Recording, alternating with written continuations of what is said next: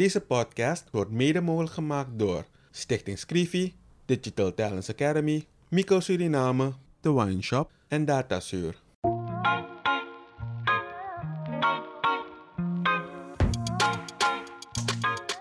In een ontspannen sfeer praten journalist Kevin Hadley en challenger Vincent Kenswell met verschillende personen over de uitdagingen en de kansen van hun werkgebied. Samen proberen ze door oplossingsmodellen te bespreken positieve ontwikkelingen op gang te brengen.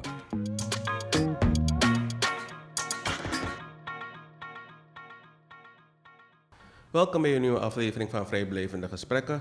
Ready Vincent? Jawel. Vandaag hebben we iemand op bezoek eh, die ik best lang ken. Samen met haar heb ik leuke projecten gedaan. En eh, ja, ze is na een paar jaren weer in Suriname. Dus ik dacht van ik eh, nodig eruit voor een vrijblijvend gesprek. Alles goed, Heidi? Yes, zeker, zeker. Alles lekker. Chin, ehm, kunstenaar, zo kan ik je omschrijven. Ja, ik noem mezelf altijd illustrator en beeldend kunstenaar. Maar we spraken een poosje terug en toen zei je me dat je een hele poos jezelf geen kunstenaar wilde noemen. Klopt. Waarom niet? Ehm, ja, ik weet niet. Ik heb altijd een beetje de associatie met kunstenaar dat het vooral, ja, het is, ja, dat het vooral ehm, vrij werk is, autonoom werk is wat een kunstenaar maakt. Maar eigenlijk is een kunstenaar een heel breed begrip. Ehm, en misschien komt het ook omdat ik afgestudeerd ben als illustrator. Ik heb de opleiding eh, illustratie gedaan. Dus ik ben veel aan het tekenen. Hoewel ik ook tussendoor altijd aan het schilderen ben, eh, met textiel bezig ben, met andere materialen. Maar voornamelijk doe ik betaalde toegepaste klussen. Dus dan voelt het meer als een illustrator. Ehm, maar ja, ik denk de afgelopen jaren ben ik ook wel meer gaan experimenteren, andere technieken gaan uitproberen. En durf ik langzaam mezelf ook beeldend kunstenaar te noemen. En ik had het een tijdje met, eh, met iemand over dat als ik mezelf alleen illustrator noem uit bescheidenheid, dat het ook een beetje een vertekend beeld kan geven met wat ik doe, omdat ik dus veel meer doe dan dat. Dus toen dacht ik, ja, heb je eigenlijk wel gelijk in. Dus van, ja, dus denk ik iets van drie jaartjes, twee, drie jaartjes geleden ben ik mezelf illustrator en beeldend kunstenaar gaan noemen. We zijn begonnen met die vraag, of tenminste, ik ben gestart met die vraag, maar meestal starten we met deze vraag. Wie is de persoon? Wie is Heidi Chin? Eh, Oeh, moeilijke vraag. Grote vraag. Ehm Heidi Chin is eh, een dame die eh, in Nederland geboren is en opgegroeid is. In een klein dorpje in Brabant. Eh, Surinaamse vader, Nederlandse moeder. Altijd al bezig was met tekenen, knutselen, dingen maken. Dus het was ook best wel een logische stap dat ik eh, creatieve opleiding ging doen. Ik ben eerst naar het Graafs Lyceum gegaan in Utrecht. Daarna naar de kunstacademie in Utrecht. Dus daar heb ik acht jaar gewoond, met heel veel plezier. En op een gegeven moment ben ik eh, naar Amsterdam verhuisd. En daar woon ik nu 13 jaar. Eh, en daar werk ik als freelance illustrator en beeldend kunstenaar. Je wilde altijd bezig zijn met kunst. Ja, klopt. Wat was het dat je zo aantrok in kunst? Wat, wat maakte je zo blij om bezig te zijn met kunst? Oeh, ja, dat ging eigenlijk iets wat soort van vanzelf gaat of zo. Ik was gewoon aan het tekenen en aan het knutselen. En mijn moeder is ook heel creatief. Mijn moeder is ook altijd, al van jongs af aan dat zij een kind was, is ze dingen aan het maken. Ze kon, ja, ik vind dat ze heel goed kon tekenen. En eh, zoals altijd is ze aan het handwerken, nog steeds hoor. Dingen aan het maken met stof, met leer, haken, breien. Vroeger voor mij en mijn zusjes, nu voor de kleinkinderen. Eh, dus ik denk dat ik het daardoor sowieso heb meegekregen, al van heel jongs af aan. Zij heeft nooit een opleiding gevolgd en heeft daar nooit ehm, eh, ja, echt professioneel in, in gewerkt. Eh, maar ik denk dat ik daardoor wel ja, automatisch ook ja, ben opgegroeid met heel veel dingen maken en nooit stilzitten en altijd bezig zijn. Ik vind het een hele mooie introductie, maar ook ehm, dat je zegt van je ontdekt illustrator en beeldend kunstenaar. Ja, Ik zie kunstenaars in elke vorm, als het nou beeldende zijn of, of in schrift of muziek, Mhm. die zijn de architecten van de samenleving. Ja. Heel belangrijk. ja. Omdat je bijna kan zeggen soms het geweten bent van een community. Weet je, dan Mhm. kan je klein beginnen, groot, land. Mhm. Dus ik vind het in ieder geval mooi dat je dat hebt ontdekt en dat je nu met trots zegt wat je bent. Want daarmee heb je ook een balans in je leven, denk ik. Want met illustraties, daar verdien je gewoon je geld mee. Ja. En daardoor ben je heel vrij, denk ik, om je beeldende ehm, creativiteit of Ja. je creativiteit uit te dragen. toch? Zeker, ja. Ehm, een vraag. Je zei, eh, je bent in Nederland ehm, eh, geboren, Ja. opgegroeid, Ja. uit de Surinaamse vader met de moeder. Hoe was dat? Vertel een beetje over Hedy, eh begin jaren tot je tiende. Wat, hoe was dat voor jou? Hoe was je omgeving? Eh, nou, mijn omgeving was rustig dus, want ik woonde echt in een klein dorpje. Een oudere zus, jongere zus. Ehm, ja, het was, eh, ja, ik denk, ik weet niet of, of jullie dat ook hebben, maar alles van vroeger lijkt altijd heel, best wel een soort van, eh, zo, het, eh, ja, in Nederland dan was het in de zomer altijd lekker weer. Ging je altijd buiten spelen. Ja, best wel zorgeloos eigenlijk. Ja, gewoon eh, ja, naar school gaan, na school met kinderen spelen. Of in, buiten op straat met buurtkinderen spelen. En s'avonds uh, dan had uh, mijn moeder gekookt. En dan aten we met z'n allen. En daarna nog een beetje tv kijken en dan naar bed. Gewoon echt een heel overzichtelijk dorpsleven, denk ik. Ja. Dus dat zocht ik, het zorgen, uh, ja, dat je echt zo vrij bent opgevoed. Dus een, een goede, gedegen, laten zeggen, basis hebt. Um, en, en de link met Suriname, heb je die vanaf het begin, was dat sterk? Kwam je naar Suriname of had je dat uh, minder? Uh, dat kwam eigenlijk pas later, want ik weet dat mijn vader die ging uh, op een gegeven moment naar Suriname. Toen was ik denk ik een jaartje of, I don't know, ik was onder de tien, ik was jong. En ik en mijn zusjes mochten mee, maar ik had toen geen behoefte om mee te gaan. Ik vond het denk ik ook een beetje spannend, ver weg en zo. Mijn jongste zusje is toen wel meegegaan. En toen hebben we daarna, hadden we altijd de afspraak met de familie... dat als mijn ouders zoveel jaar getrouwd zijn... dan gaan we met de hele familie naar Suriname. Toen was ik uh, volgens mij 20, dat was in 2005.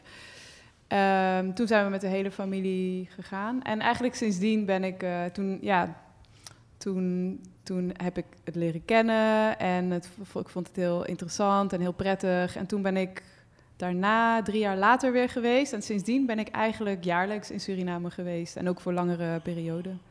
En wat was de, laat maar zeggen, turning point dat je... Als je jong bent, kan ik me best voorstellen, ja, wat ga ik in Suriname Ja. doen? Ik ben hier, wat je ook vertelde, het is gezellig in de zomer. Ja. Ik ga echt niet uh, naar Suriname. Nee, klopt. Maar wat was het voor jou in Suriname dat toch wel... Welke binding heb je gevoeld? Of Uh, niet? Ehm, Ja, wat ik, wat ik in Suriname uh, op een gegeven moment... Ja, op een gegeven moment kwam ik dus een beetje ook in contact met uh, creatieve mensen in Suriname, waaronder Kevin. Um, en los daarvan, wat ik ook leuk vind in Suriname, is wanneer je mensen leert kennen. Je ontmoet ze één keer, dan, dan ken je ze forever, zeg maar. In, in, in Amsterdam bijvoorbeeld, je ontmoet iemand... En dan een paar weken later ontmoet je iemand en die persoon weet niet meer wie je bent. En zo kan je iemand zes keer ontmoeten en die persoon weet de, hele tijd niet meer wie je bent. Maar hier is het gewoon, wanneer je iemand ontmoet, je hebt een goede klik, blijft het gewoon. Maakt niet uit of je vijf jaar niet bent geweest of dat je die persoon maar drie keer hebt gezien. Blijf gewoon altijd gewoon een warm welkom en gewoon altijd weer leuk en gezellig om personen weer tegen te komen. Uh, dus die warmte, die vind ik heel prettig hier. En nou ja, de, de, de, als we het over warmte hebben, temperatuur natuurlijk. Uh, dus ik vind het ook altijd prettig om de winters dan in Nederland te onderbreken. En ik krijg ook een bepaalde rust als ik hier ben. Dus ik kan ook um, ja, gewoon creëren. En ik heb dus ook eigenlijk in Suriname, want ik, mijn handschrift, mijn stijl was eerst heel anders dan dat het nu is. Want eerst maakte ik uh, lijntekeningen in zwart-wit. En nu maak ik stifttekeningen en ik gebruik geen zwart uh, en ik gebruik vlakken. Dus eigenlijk is mijn, mijn handschrift helemaal 180 graden gedraaid.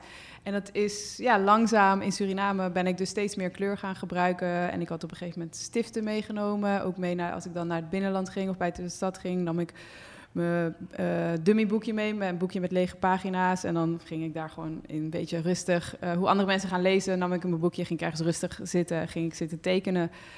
En uh, zo is eigenlijk mijn huidige handschrift ontstaan. En ik denk dat ik die rust die ik hier had, in Nederland nooit gevonden had kunnen hebben en dan ook nooit dit handschrift had ontwikkeld. Met handschrift bedoel je een stijl? Stijl, ja, okay, ja, ja, stijl. Van... ja, nee, stijl. maar dat is wel heel interessant dat je dus, om, ik denk dat door die kleuren die je hier ziet, ja. zowel natuur als maar ook mensen toch, we Ja. zien er verschillende Letterlijk. kleuren. Letterlijk verschillende kleuren. Ja, Maar dat is wel heel mooi en, ehm, om dat zo te ervaren. Ik denk dat ehm, in Suriname worden dit soort creatievelingen, zeker in de opvoeding, wordt je geleerd van luister, je kan niet, als je creatief bent, wordt het vaak een beetje afgezwakt, Mhm, want klopt. mensen gaan niet, je gaat geen geld verdienen daarin. Nee. Dus je moet Precies, of dat is dokter genoeg, worden of je moet, wordt gezegd. weet je. ja. En nu horen we een verhaal waarbij je natuurlijk ja, die, die combinatie kan maken als illustrator. ja. Ehm, waarom koos je voor dat beroep of voor die studie? Ehm, nou, ik ben dus eerst ben ik naar het Grafisch Lyceum gegaan. Dat was een meer grafische opleiding. Dat was MBO. Ehm, en die opleiding leerde ik kennen omdat de zussen van mijn beste vriendin, die deden dat. Die waren, waren we net een paar jaartjes ouder. Dus die deden dat. Dus toen dacht ik, hé, hey, wat leuk. Zij zijn ook creatief en ook dingen aan het creëren. Dus toen ben ik dat gaan volgen. Ehm, die opleiding, toelating, was ik toegelaten. Nou, dat was heel leuk. Toen ging ik naar Utrecht, een grote stad, spannend. Ook allemaal, toen leerde ik ook allemaal mensen kennen die ook creatief waren. Dus dat was super leuk. En toen was er, toen dacht ik, nou, een, een, logische stap was dat je dan na het Grafisch Lyceum eh, graphic design ging studeren op de kunstacademie. En toen ging ik naar de open dag van de kunstacademie, ook in Utrecht. En toen zag ik ineens de richting illustratie. Daar had ik nog nooit van gehoord. Maar toen zag ik ineens dat er eh, heel veel verschillende technieken... Want bij illustratie denk ik eigenlijk... dacht ik altijd aan meer aan een, iemand die comicbooks, comicbooks Ja, tekent... cartoon, of, yes. of alleen maar kinderboeken illustreert. En ik zag mezelf helemaal niet als zo'n soort maker... Maar toen zag ik tijdens die open dag zag ik allemaal verschillende materialen en ik zag dat het heel breed was.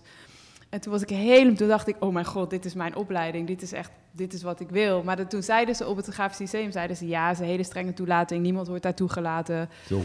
Eh, dus toen dacht ik, maar toen dacht ik, nou ja, dan ga ik me gewoon en voor graphic design en voor illustratie aanmelden. Ik dacht nooit geschoten, altijd mis. En toen tot mijn verbazing werd ik toegelaten tot eh, illustratie, tot de richting illustratie. Het is wel Ehm, grappig dat je zei van je, je wordt dus ge- gezegd van ja, je hoeft het bijna niet te proberen. Ja. Wie zei dat? Mensen, dus de, De leraren, de leraren op het Grafisch Oh. Lyceum. Dat is ook een beetje verborgen krabbenmentaliteit, vind ik maar goed. Mhm. Knip dat, hè? nee, maar het is, het is wel grappig, inderdaad. Want een, ehm, omdat je juist zou je moeten, als, als, als, laten zeggen, als educator, zou je moeten empoweren. Mhm. Ja, toch? motiveren zou je denken, ja. Om te zeggen van, Ja. nou, Maar je- het kan je ook een motivatie zijn van Ja, je moet dat niet klopt. doen en dan denk je van je ik ga het juist doen. Ja, dus, dus maar goed, dat ik, ik- klopt, je kan het ook zo zien. Dus dat, die methode wordt nu hier in Suriname gehanteerd, toch? Als je iemand iets wil laten doen, Ja, moet je die persoon overtuigen dat die het niet kan doen. Ja. Snap je? En dan gaat hij het doen. Ik vind het geen goede methode, omdat ik, ik ben meer iemand van die empowerment. ja. En het is mooi dat je dus uit hoeveel bent geselecteerd. Maar het is wel best dus bijzonder. Geen idee. Ik heb geen idee uit hoeveel. Ik weet wel dat bij die opleiding ook, je begint eh, het eerste jaar met een, weet ik veel, een 30 mensen ongeveer. En uiteindelijk vallen er heel veel af. Het is niet alleen per se omdat, ze- omdat mensen niet goed genoeg zijn hoor. Het is ook omdat mensen er misschien gaandeweg achter komen van, oeh, eigenlijk past deze richting misschien toch niet helemaal bij mij. En dan zien ze eh, mensen in hetzelfde jaar een andere richting. Want je hebt op, in Utrecht heb je heel veel verschillende richtingen. Eh, je hebt mode, je hebt autonoom, je hebt graphic design, je fotografie, architectuur. Dus je, je, je komt daardoor dan ook meer in aanraking met andere richtingen. Dus je kan ook dan op een gegeven moment denken van... oh, wacht even, dit, misschien past deze richting toch beter. Dus mensen switchen. Dus uiteindelijk studeer je af vier jaar later met ja, misschien de helft van waar je mee begint. van, dus laten we zeggen, je hebt een selectie, je weet niet hoeveel. Je Nee. wordt, je wordt eh, in die 30 ben je opgenomen en ja. dan uiteindelijk gaan er 15 door. Ja, zoiets dus, dus, ongeveer. En jij was ja. in die 15. Ja, dus dat, ja, dat is ja. heel bijzonder. We Ja. zitten hier met een bijzondere dame. Maar als je dan weer denkt, eh, soms hè, wanneer je denkt van oké, hoeveel, er zijn meerdere op, eh, eh, illustratieopleidingen in Nederland. En dan heb je, laten we zeggen, er zijn er vijf of zo in Nederland. En dan heb je elk jaar me- 15 mensen, 20 mensen die afstuderen. En dat elk jaar hè, gewoon elk jaar. Dus dat zijn dan weer best wel veel illustratoren die er elk die jaar bij komen. Ja. Ja, maar waarschijnlijk is, als het er blijft bestaan, is die behoefte er gewoon. Nee, ja, precies. En dan heb je ook weer hoor, als je afgestudeerd bent, betekent niet dat iedereen ook die, eh, illustrator wordt. Hè? Je bent afgestudeerd als illustrator, maar het is heel moeilijk om eh, fulltime zelfstandig te werken als illustrator en daar gewoon je brood mee te verdienen. Maar dat doe jij nu dus wel. Nu wel, maar ik moet wel zeggen, toen ik afstudeerde was er een kunstenaarsuitkering. En ik was toen als student gewend om van heel weinig rond te komen. Dus met die kunstenaarsuitkering kon ik rondkomen. En op een gegeven moment ben ik, ik heb zes jaar lang nog wel een parttime job erbij gehad. Dus dan werkte ik parttime als graphic designer bij een filmproductiemaatschappij. En ik had flexibele dagen. Dus ik kon het heel goed combineren met mijn illustratiewerk. En uh, op een gegeven moment werd de druk bij dat bedrijf best wel hoog. Want dat bedrijf was heel erg aan het groeien. En mijn functie werd ook steeds belangrijker. En ik kreeg steeds meer illustratieklussen. Dus op een gegeven moment moest ik een keuze maken. En die was heel makkelijk. En toen heb ik gezegd van ja, ik, uh, ik ga stoppen. Ik ga door als illustrator. Dat was drie weken voordat we allemaal in een lockdown moesten vanwege corona. Dus dat was een hele spannende timing. Toen dacht ik wel even, oh shit, al mijn vastigheid is weg. Maar toen had ik ook zoiets van, oké, iedereen zit nu binnen. Mensen kunnen niet zoveel kanten op. Ik ben illustrator. Ik kan van huis uit alles verbeelden. Dus waar een fotograaf niet meer de straat op kan, kan ik die scène tekenen. Dus toen ben ik kranten weer gaan mailen van... hey, ik ben weer beschikbaar. Uh, en op een gegeven moment zijn uh, de muurschilderingen uh, kwamen. Want ik had in Nederland nooit veel muurschilderingen gedaan. Hier in Suriname wel. Um, een aantal. daar heb ik met Kevin een project. Met Sweetie Roding. Ja, dat is met We komen daar, we komen daar. Daar gaan we zo over praten, denk ik. Ja. Dus toen uh, werd ik op een gegeven moment voor een muurschildering gevraagd. En dat was ook iets wat kon, uh, want ja, dingen in de buitenlucht kon in de coronaperiode. In Nederland in ieder geval heel makkelijk. Dus zo werd het een beetje een sneeuwbaleffect. En uh, ja, stroomde de klussen binnen. Ja. Nice. En ja, daar ben ik echt heel blij mee. En ik ja, ben natuurlijk wel elke keer weer als het wat rustiger wordt, ben ik bang dat ik denk, oeh, zat ik op een soort golf en gaat hij nu weer naar beneden. Maar, uh, maar dat is het lief, hè? Het ja, is toch precies. Ja. Maar uiteindelijk gaan we allemaal... Houd je ook scherp ergens. Dat is waar, maar uiteindelijk gaan we allemaal neutraler uit. Dus je moet kijken dat je de highlights niet mm -hmm. te high maakt, want anders gaat die highlight weer een low worden, mm -hmm. snap je? Ja, precies. Dus filosofisch, filosofisch, ja. wauw. Je hoeft niet Ja. bang te zijn voor, uh, laat me zo zeggen... Als je, als je, wat ik voel is dat je iets doet dat helemaal voor jou is. Ja, het klopt. past. Ja, En, en, um, al, en je, staat, je zit niet stil. nee, nee. dus je, je, je, zoekt voor jou. Ja, en Ja. dat is heel mooi. Ik denk dat dat het Surinaams bloed in jou is, dus uh, dat denk ik. En een van de bekende schilderingen die je in die periode hebt gemaakt was die van Anton de Kom. Hoe is dat um, tot stand gekomen? Ja, dat is uh, wel zo grappig, want uh, dat was een serie schilderingen die ik door Nederland ging doen. Dat was um, uh, voor de Canon van Nederland. De Canon van Nederland zijn 50 highlights uit de geschiedenis van Nederland. En dat was een, een, een um, ja, zij wilde een soort campagne doen waarbij ze jongeren iets meer met geschiedenis in contact wilden brengen op een soort wat ja, aantrekkelijkere manier. Dus er was een hele campagne en een onderdeel was, van die campagne was dat ik muurschilderingen op verschillende plekken in Nederland ging maken. En de eerste was Vincent van Gogh. En dan met een soort one-liner erbij. En het idee was dan dat jongeren konden dan selfies nemen voor die muur. En dat op, op social media plaatsen. En de tweede was uh, Aletta Jacobs in Groningen. Een belangrijke dame uh, die als eerste st ging studeren. En de derde, daar, uh, daar was, in het begin was dat nog niet direct Anton de Kom. Dat was, eerst hadden zij iets over VOC. En toen had ik al zoiets van, mm, ik ga niet de VOC schilderen. Um, en toen waren ze nog een beetje aan het twijfelen van, oh, misschien um, Tula. En uiteindelijk kwamen ze bij Anton de Kom. En toen, wilden ze, toen hebben ze eerst nog in Breda gekeken of die daar geschilderd kon worden. Uh, omdat Amsterdam was, uh, ja, er gebeurt al heel veel in Amsterdam. Dus ze hadden zoiets van, ja, we gaan dat niet in Amsterdam doen, maar in Breda. Maar last minute werd dat toen in Breda gecanceld. En toen was het best wel moeilijk om een nieuwe muur te vinden. En toen konden ze op het laatste moment op het Anton de Komplein mochten ze de muur schilderen. Dus het was een soort van beetje samenloop van verschillende elementen. Geen toeval, zou ik zeggen. Nee, precies. En, maar uiteindelijk is die muur inderdaad van alle muren die ik... Want ik heb in totaal toen vier muren geschilderd voor dat project. Die muur is echt helemaal opgepikt uh, ja. door, nou ja, weet je, Zuidoost, Surinamers. Iedereen was super trots op die uh, muur. Ja. Er, werd ook, er kwam ook een soort battle, want er staat een, uh, alle monumenten hè, van Anton de Kom daar. Uh, maar, maar, maar mensen daar zijn niet blij uh, met Nee. het monument. Want hij, wordt ja, hij wordt daar een soort van... Hij heeft geen kleding aan. Ja, iedereen kent Anton de Kom echt gewoon altijd in pak. Ja, hij was een hele, ja, hij was, hij was een hele stijlvolle man. Hij zag altijd goed gekleed uit. Hij was geleerd natuurlijk. Hij was super slim. Hij schreef. Dus ik had ook zoiets van, ja, ik wil hem gewoon laten zien hoe hij was.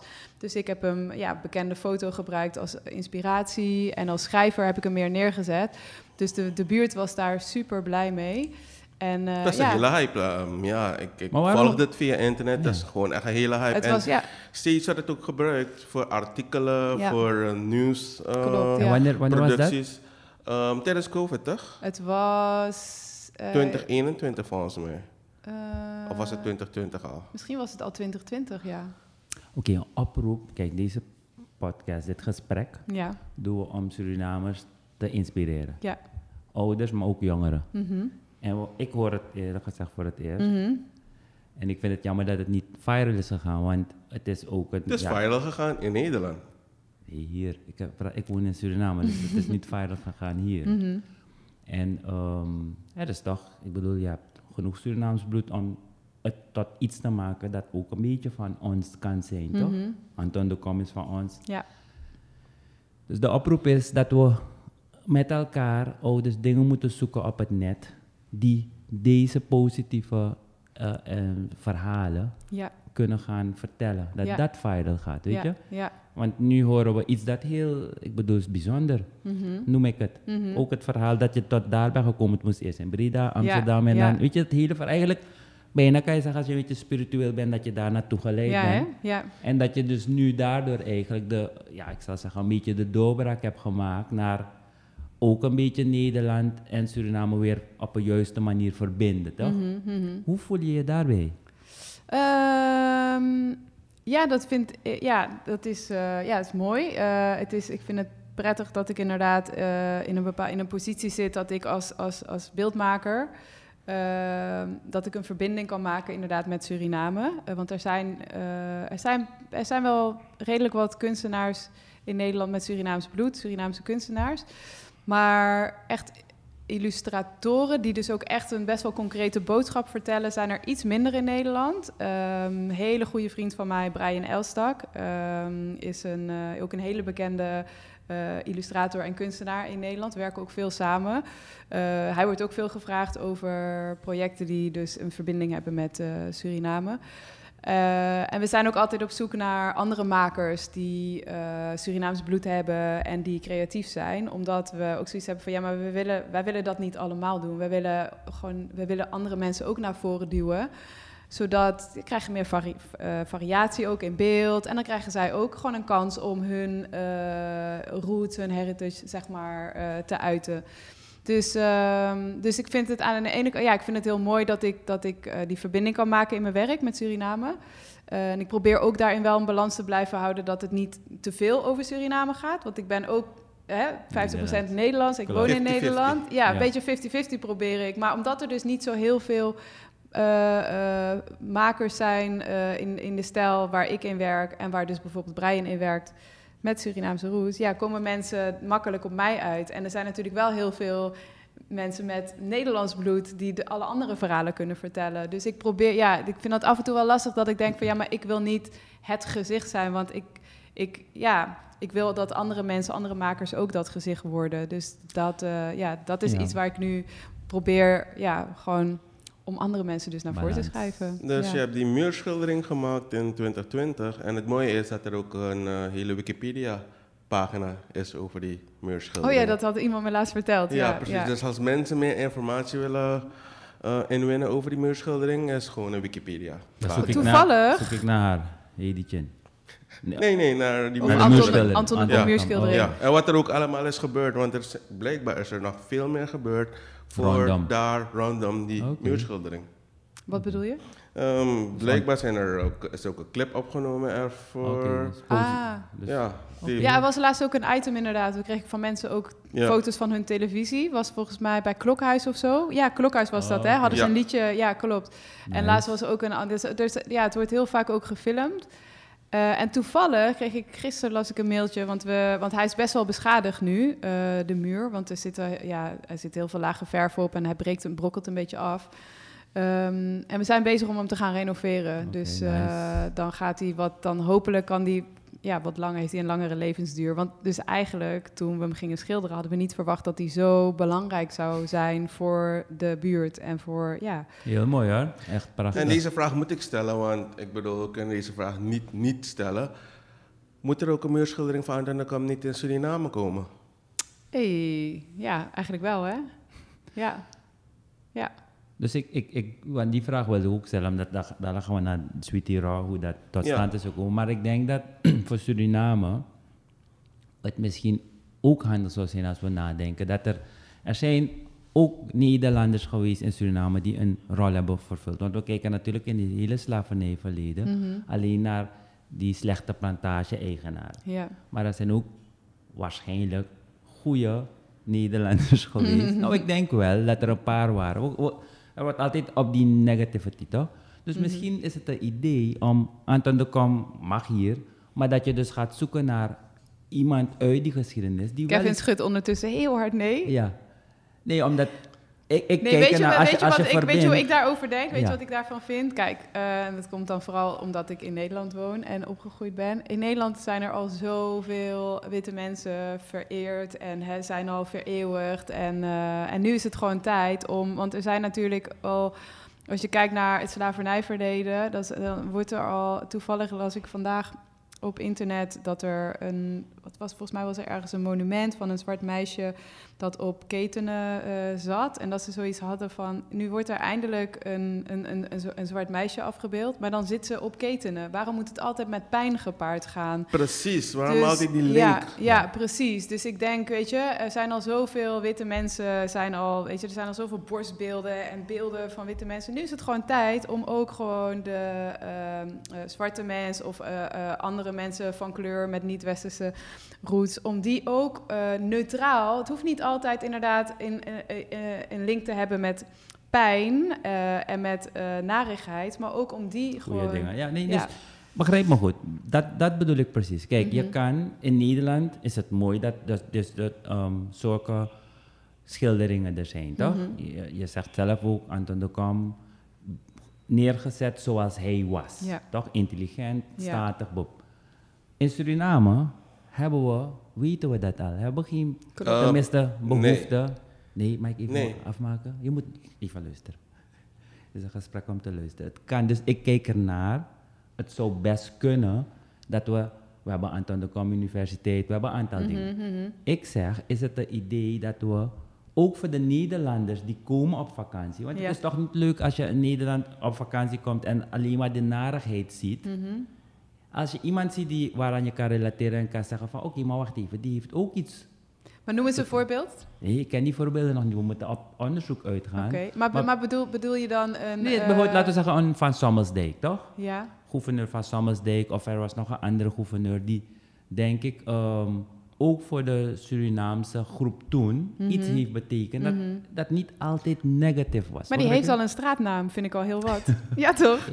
Maar je gaf, nee, ik eh, wilde interruperen, want je gaf aan van we weten wel veel over Anton de Kom. Nee. En hoe ik, hoe ik dat weet, een aantal mensen weten veel over. Anton de Kom in Suriname.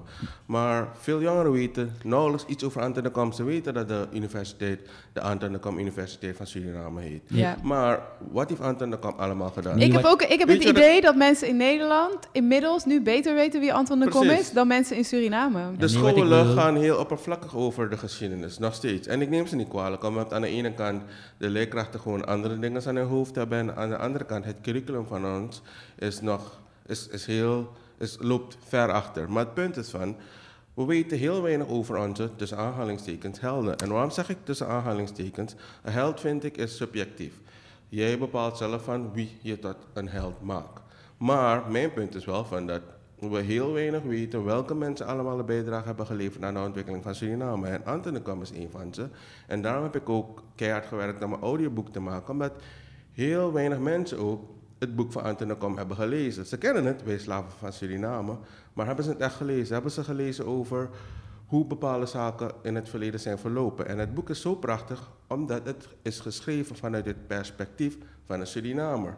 Dus terugkomend op, nee, heel weinig mensen weten over wat allemaal is gebeurd in het verleden. En heel weinig mensen in Suriname weten wat Anton de Kom voor ons heeft gedaan.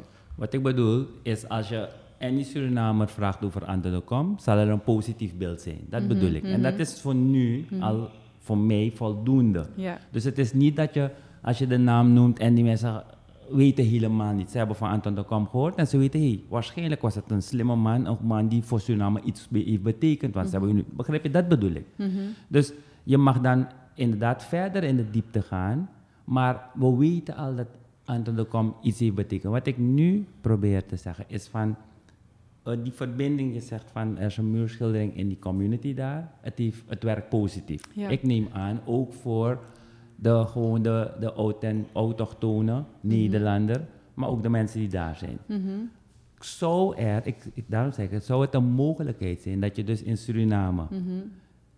in plaats van een muurschildering van Anton de Kom, omdat die die positieve eh, vibe al heeft, Mhm. eentje zoeken van een Nederlander Mhm. die voor Suriname iets heeft betekend. Begrijp je wat ik bedoel? En dat kan ook een boeroe zijn. Mhm. het kan, bij mij gaat het erom, moeten we daarover niet nadenken, om die Maar verbinding... zou je dat dan, zou, zou, zou, vind jij dat dan eh, een, ehm, eh, zou je dat dan voor de Surinamer doen of voor de Nederlander die hier Nee, op nou, vakantie komt? Ook voor de Surinamer in eerste instantie, toch? Maar ehm, het kan ook voor een Nederlander die dan op vakantie komt ook een erkenning zijn, snap je?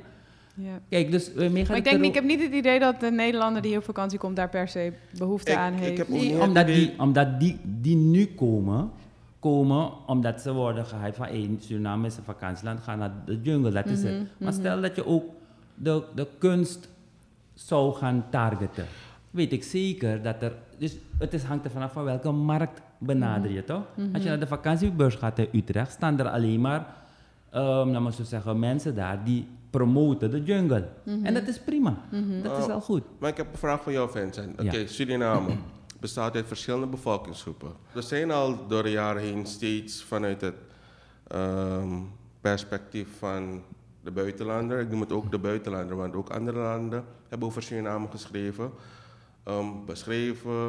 We hebben vaak genoeg vanuit het buitenland onze verhalen gehoord, onze eh, zaken zijn op hun manier verteld, waardoor we op een gegeven moment ook zelf geloofden dat de vrijheidsstrijders terroristen waren, criminelen. Is het niet een beetje vreemd om in anno 2023 nu plotseling een muurschildering te gaan plaatsen van een witte persoon die eigenlijk niet het land vertegenwoordigt? Want het land bestaat uit zoveel bevolkingsgroepen. En we hebben het niet over Anton de Kam, maar we kunnen ook kijken naar welke ehm, een personen zijn opgekomen voor de rechten van de immigranten. Welke personen zijn opgekomen voor de rechten van de, ehm, de, de, de, de mensen die bijvoorbeeld nu eh, eh, leven. Het mooie van deze periode, en ik bedoel ook specifiek deze periode, is dat we nu linken leggen met mensen die in het verleden zijn opgekomen voor de rechten van de burgers. Ehm, we hebben een hele woelige periode. We hebben een hele woelige periode nu. Wat ik wel mooi vind dat in het nieuws nu wordt gezegd over, hey, vergeet Louis Doodle niet. Vergeet een, een, een, een Anton de Kom niet. Maar vergeet ook niet anderen die allemaal iets hebben betekend voor dat stukje van opkomen voor burgerrechten. Ik zou eerder, dat, maar dus, dat, daarom zeg ik, ik zou eerder een iets zoeken om hun te eren. Want die kunnen wij niet en mogen wij Ja. niet vergeten. Dus ik Nee, dus denk ik- niet dat de ik- samenleving echt zit te wachten Ja. op een muurschildering van een van. Samuelsdijk of van een Nederlander. Omdat uiteindelijk wij zelf onze eigen mensen niet Ja, nee, allemaal dus kennen. dat erken ik, 100%. En, en je moet ook niet zeggen dat je dat, dat niet moet doen. Maar wat ik, wat ik als discussie of voor het gesprek inbreng, Mhm. is van, we moeten het niet, naar mijn mening, niet uitsluiten. Snap je wat ik bedoel? Mhm. Dus, ehm, want uiteindelijk hebben je een grote groep Surinamers, zoals Heidi, die 50 Nederlandse Mhm. is. Jouw, jouw familie van Nederlandse zijde, Mhm. Die, hoe kijkt die, nou, daarover hoeven we niet, te praten, maar die moet ook weten dat er niet alleen maar kommer en kwel zou zijn. Al is het maar 5% van die groep, maar er waren ook elementen die anders keken. Snap je wat ik bedoel? Nu, nu wordt, worden ze allemaal door over één kam geschoren, snap je? Maar nogmaals... Ik dit- snap, ik, snap Het, ik snap het ergens wel hoor. Dat inderdaad, omdat eh, ik kan natuurlijk ook als je terugkijkt naar het verleden, naar de koloniale tijd, dat je denkt inderdaad alle witte mensen uit eh, Holland waren slecht. Eh, nee, er waren natuurlijk ook mensen die wel goede dingen Ja. brachten. Alleen ik persoonlijk voel niet de behoefte om, eh, om die vast eh, te leggen. Nogmaals, ik heb het gebracht niet dat Ja, jij ja, het ja, moet nee, doen. precies. Ja, ja, ja, ja, ja. het Het is een idee, zeker. Het is een ja, ja, ja. idee om te zeggen dat we dus ook, de, ook dat perspectief. Ja. Weet je, want kijk, we zeggen uiteindelijk weten we allemaal dat die twee communities, Mhm. we praten er vaak ook over van hoe gaan we samen verder. We hebben gedeeld verleden, en een, een, een gezamenlijke toekomst, toch? Ja. Ja. Hoe ga je daar van invulling, hoe ga je daar invulling aan geven? Als je de ene kant alleen maar afschildert als te zijn de boze witte man, ja. Dan gaan we er niet komen, denk ik. Snap je? Nee, maar misschien zijn- is dit meer ook dan iets over, weet ik wel, over 50 jaar of over 100 jaar. Want ik denk dat er nu eerst even een stap gemaakt moet worden dat elke Nederlander zich bewust moet zijn van wat er zoveel jaar geleden gebeurd is. En Ja. ik denk dat dat, dat nu eerst. aan de gang is. Het is natuurlijk herdenkingsjaar dit jaar, 150 jaar, of ju- jubileumjaar, 150 jaar afschaffing van de slavernij. En kijk, voor Surina elke Surinamer kent een geschiedenis. En veel mensen in Nederland ook, maar nog steeds niet elke Nederlander. Ja. Dus ik denk dat we, want dat is wat ik de afgelopen jaren veel gezien heb, is dat er heel vaak is, er wordt er wel iets gedaan met slavernij, maar dan net nog even een beetje dat ik denk van ja, maar zo is het niet gegaan. Hè? Ja, het was ja. gewoon heel bruut en he- het was verschrikkelijk allemaal. En die bewustwording moet er eerst zijn. Eh, zodat elke Nederlander dat weet. En ook dat elke school dat integreert in zijn lesprogramma. Zodat dat gewoon. eh, weet je, want vroeger, ik heb een jaar lang eh, geschiedenisles gehad over de Tweede Wereldoorlog. En misschien één klein hoofdstukje over de slavernij. Nee, mensen, kinderen moeten gewoon een jaar lang over de slavernij, bij wijze van spreken, les Ja. hebben. En dus over zoveel jaar, dan is dat gewoon, weet iedereen dat, kan En niemand het meer wel- verbloemen. En dan kan je gaan kijken Ja, inderdaad ja. van, oké, maar wat waren nee. dan wel... Maar ik vind het wel interessant van je, Vincent. Want ehm is weer vanuit een ander perspectief Ja. kijken naar. Ja. ehm, ehm, naar En misschien is inderdaad wel het verschil, want Kevin, we hebben het daar toch ook wel eens over gehad, dat eh, over inclusiviteit, eh, Ja. racisme, discriminatie, dat in Nederland is, is, is dat gewoon nu, ja, dat is heel erg in beweging, dat mensen zijn heel activistisch. En eh, terwijl in Suriname, als, als, als persoon van kleur, als zwart persoon, je hebt hier eh, op een hele andere manier te maken met eh, discriminatie en Ja. racisme. Want je bent, je bent alleen maar mensen van kleur. Dus het is een andere, ja, het is ja, vanuit een ander perspectief inderdaad. Het is, je leeft dan in, ja, letterlijk toch in een andere wereld. Ehm, dus je hebt gewoon andere dingen waar je dan voor, waar je voor strijdt. En dat Ja, is dat- misschien dan inderdaad het verschil met... Ik kijk er tegenaan vanuit iemand die in Nederland woont... en die ziet wat, wat, wat, wat voor ja, progressie er eerst nog daar gemaakt moet worden... Hoewel in mijn omgeving is er al heel veel bewustzijn. Maar ja, dat is, dat is Nog de stad. De. Amsterdam is heel Ja. links. Ja, Amsterdam ja, is best wel... En dan als je naar de rest van Nederland kijkt... dan ga je zien van... anders, ja. Oeh, er is nog heel veel werk Nee, aan de ik- winkel. Ik, ik snap dat van die, dat in, die invalshoek, snap ik ook. En je zei het zo net ook, misschien over 50 of 100 jaar zijn we Mhm, daar. mhm. Maar dan wordt dat staatje vandaag gelegd. Dus, Ja. eh, Nee, maar precies. maar misschien kunnen we afronden met Sweetie Raw. Want we hebben al... eh, Dat is, dat is een eh, heel interessant verhaal, maar we gaan naar de bullet points. ja. Voordat ik Hedy ontmoette, leerde ik haar werk kennen via paarboden. Ze heeft een Oh ja. aantal jaren voor de paarboden geïllustreerd en de werk viel gewoon op. Dat is gewoon heel anders, mooi, maar heel anders dan we gewend zijn van de, de kunstenaars van Suriname, de beeldende kunstenaars die ook illustreren. Dus dat viel me al op. En toen ik Hedy ontmoette, was het direct van hey, we leren elkaar kennen eerst op eh, het creatieve vlak van wat zij doet, wat ik doe. En ehm, ja, op een avond spraken we over wat zouden kunnen betekenen voor Suriname. En toen kwam het idee om muurschilderingen te doen, Ja. als ik het goed heb. Ja, toch? Want het was ook eh, waar we het eh, in het begin van dit gesprek ook over hadden: dat eh, veel jongeren die creatief zijn, niet per se door hun ouders gestimuleerd worden om daar iets mee te doen. Wilden we toch, omdat er wel heel veel creatieve jongeren zijn hier, Ja. heel veel talent is. En ik begrijp ook inderdaad van ja, het is niet iets waar je heel makkelijk geld mee kan verdienen. Het is een onzeker bestaan. En eh, dus we wilden dat talent toch ja, een kans geven om een, eh, een podium te hebben. En wat is nou een beter podium dan gewoon de straat? Want daar komt iedereen voorbij. Dus dan heb je ook niet alleen maar de, de, de, de elite of de kunstkenners, maar dan heb je gewoon Iedereen. iedereen kan dan eh, kunst bekijken. Ehm, ja, dus zo is eigenlijk. En ik, ik, ik stoorde me heel erg toen al aan de, ja, de, de, de, ja, de verva- het vervallen binnenstad. Ja. Gewoon eh, mooie, wat we ooit mooie gebouwen waren, dat nu hele vervallen. En ook Plekken vies. zijn. Want, En ehm, vies, ja. ik bedoel, laten we gewoon eerlijk zijn en open zijn. Ehm, mensen gooien gewoon nog steeds troep op straat. Binnenstad is nog steeds af en toe um, gewoon vies. En we storen eraan dat er heel weinig daarmee werd gedaan. En met heel weinig ook gewoon dat er niet op tijd werd opgeruimd. Maar ook gewoon de mensen gewoon nog steeds bleven vervuilen. Dus op een gegeven moment wilden we gewoon een bijdrage leveren aan het verfraaien van de binnenstad. En Ja. En wat was jullie invalshoek? Wat voor ehm, wat, wat was het thema van de schilderijen? Of de mur- murals, no? noemen ze het. Ja, murals. Murals. We hadden niet per se een thema. De eerste eh, sessie, want ik was... eh, het zaadje is geplant volgens mij toen ik hier was. En jij hebt het... we Met de. We, oh ja, ja, dat was ook een leuk project met ook een eh, vervolg dat nu nog steeds aan de gang is. Ehm, Maar daar is het mee begonnen, want jij kwam naar me toe en je zei van... Hé, hey, ehm, ehm, zal ik iets doen? En toen kwam we op een schaafweeswagen, want die link is er ook met jouw familie en schaafwees. ja, En eh, lang verhaal kort, toen besloot je een schaafweeswagen te gaan, eh, opnieuw op van een schildering te voorzien. ja, En ik zei van, hé, hey, weet je wat, ik ehm, film dat proces, we maken Oei, een oh, leuk een filmpje van. wagen Ja, echt een Oh, oké. schaafweeswagen, die, een schaafweesverkoper. Je hebt daar een film Ja. van. Ja, ja. Daarmee is Ja. eigenlijk Citiro ook echt ge- Begonnen. gestart. Want Ja, ja. toen ging ik bij Farasio, een van de grootste verfproducenten van Suriname. En ik wees dat filmpje en ze waren direct verkocht van wauw. Sluikreclame Nice. tussendoor. Heel leuk, ja precies. Maar hey, dit is we heel hebben ook een interessant. gesprek gehad met hem trouwens, toch? Ja, met ehm, toen Brian, ja, zo Ja. ken ik Brian Valuare, want ehm, hij was toen de commerci- commercial director daar. En zo is eigenlijk dat stukje die samenwerking gestart met Ja. Farasio Paints. Heel mooi.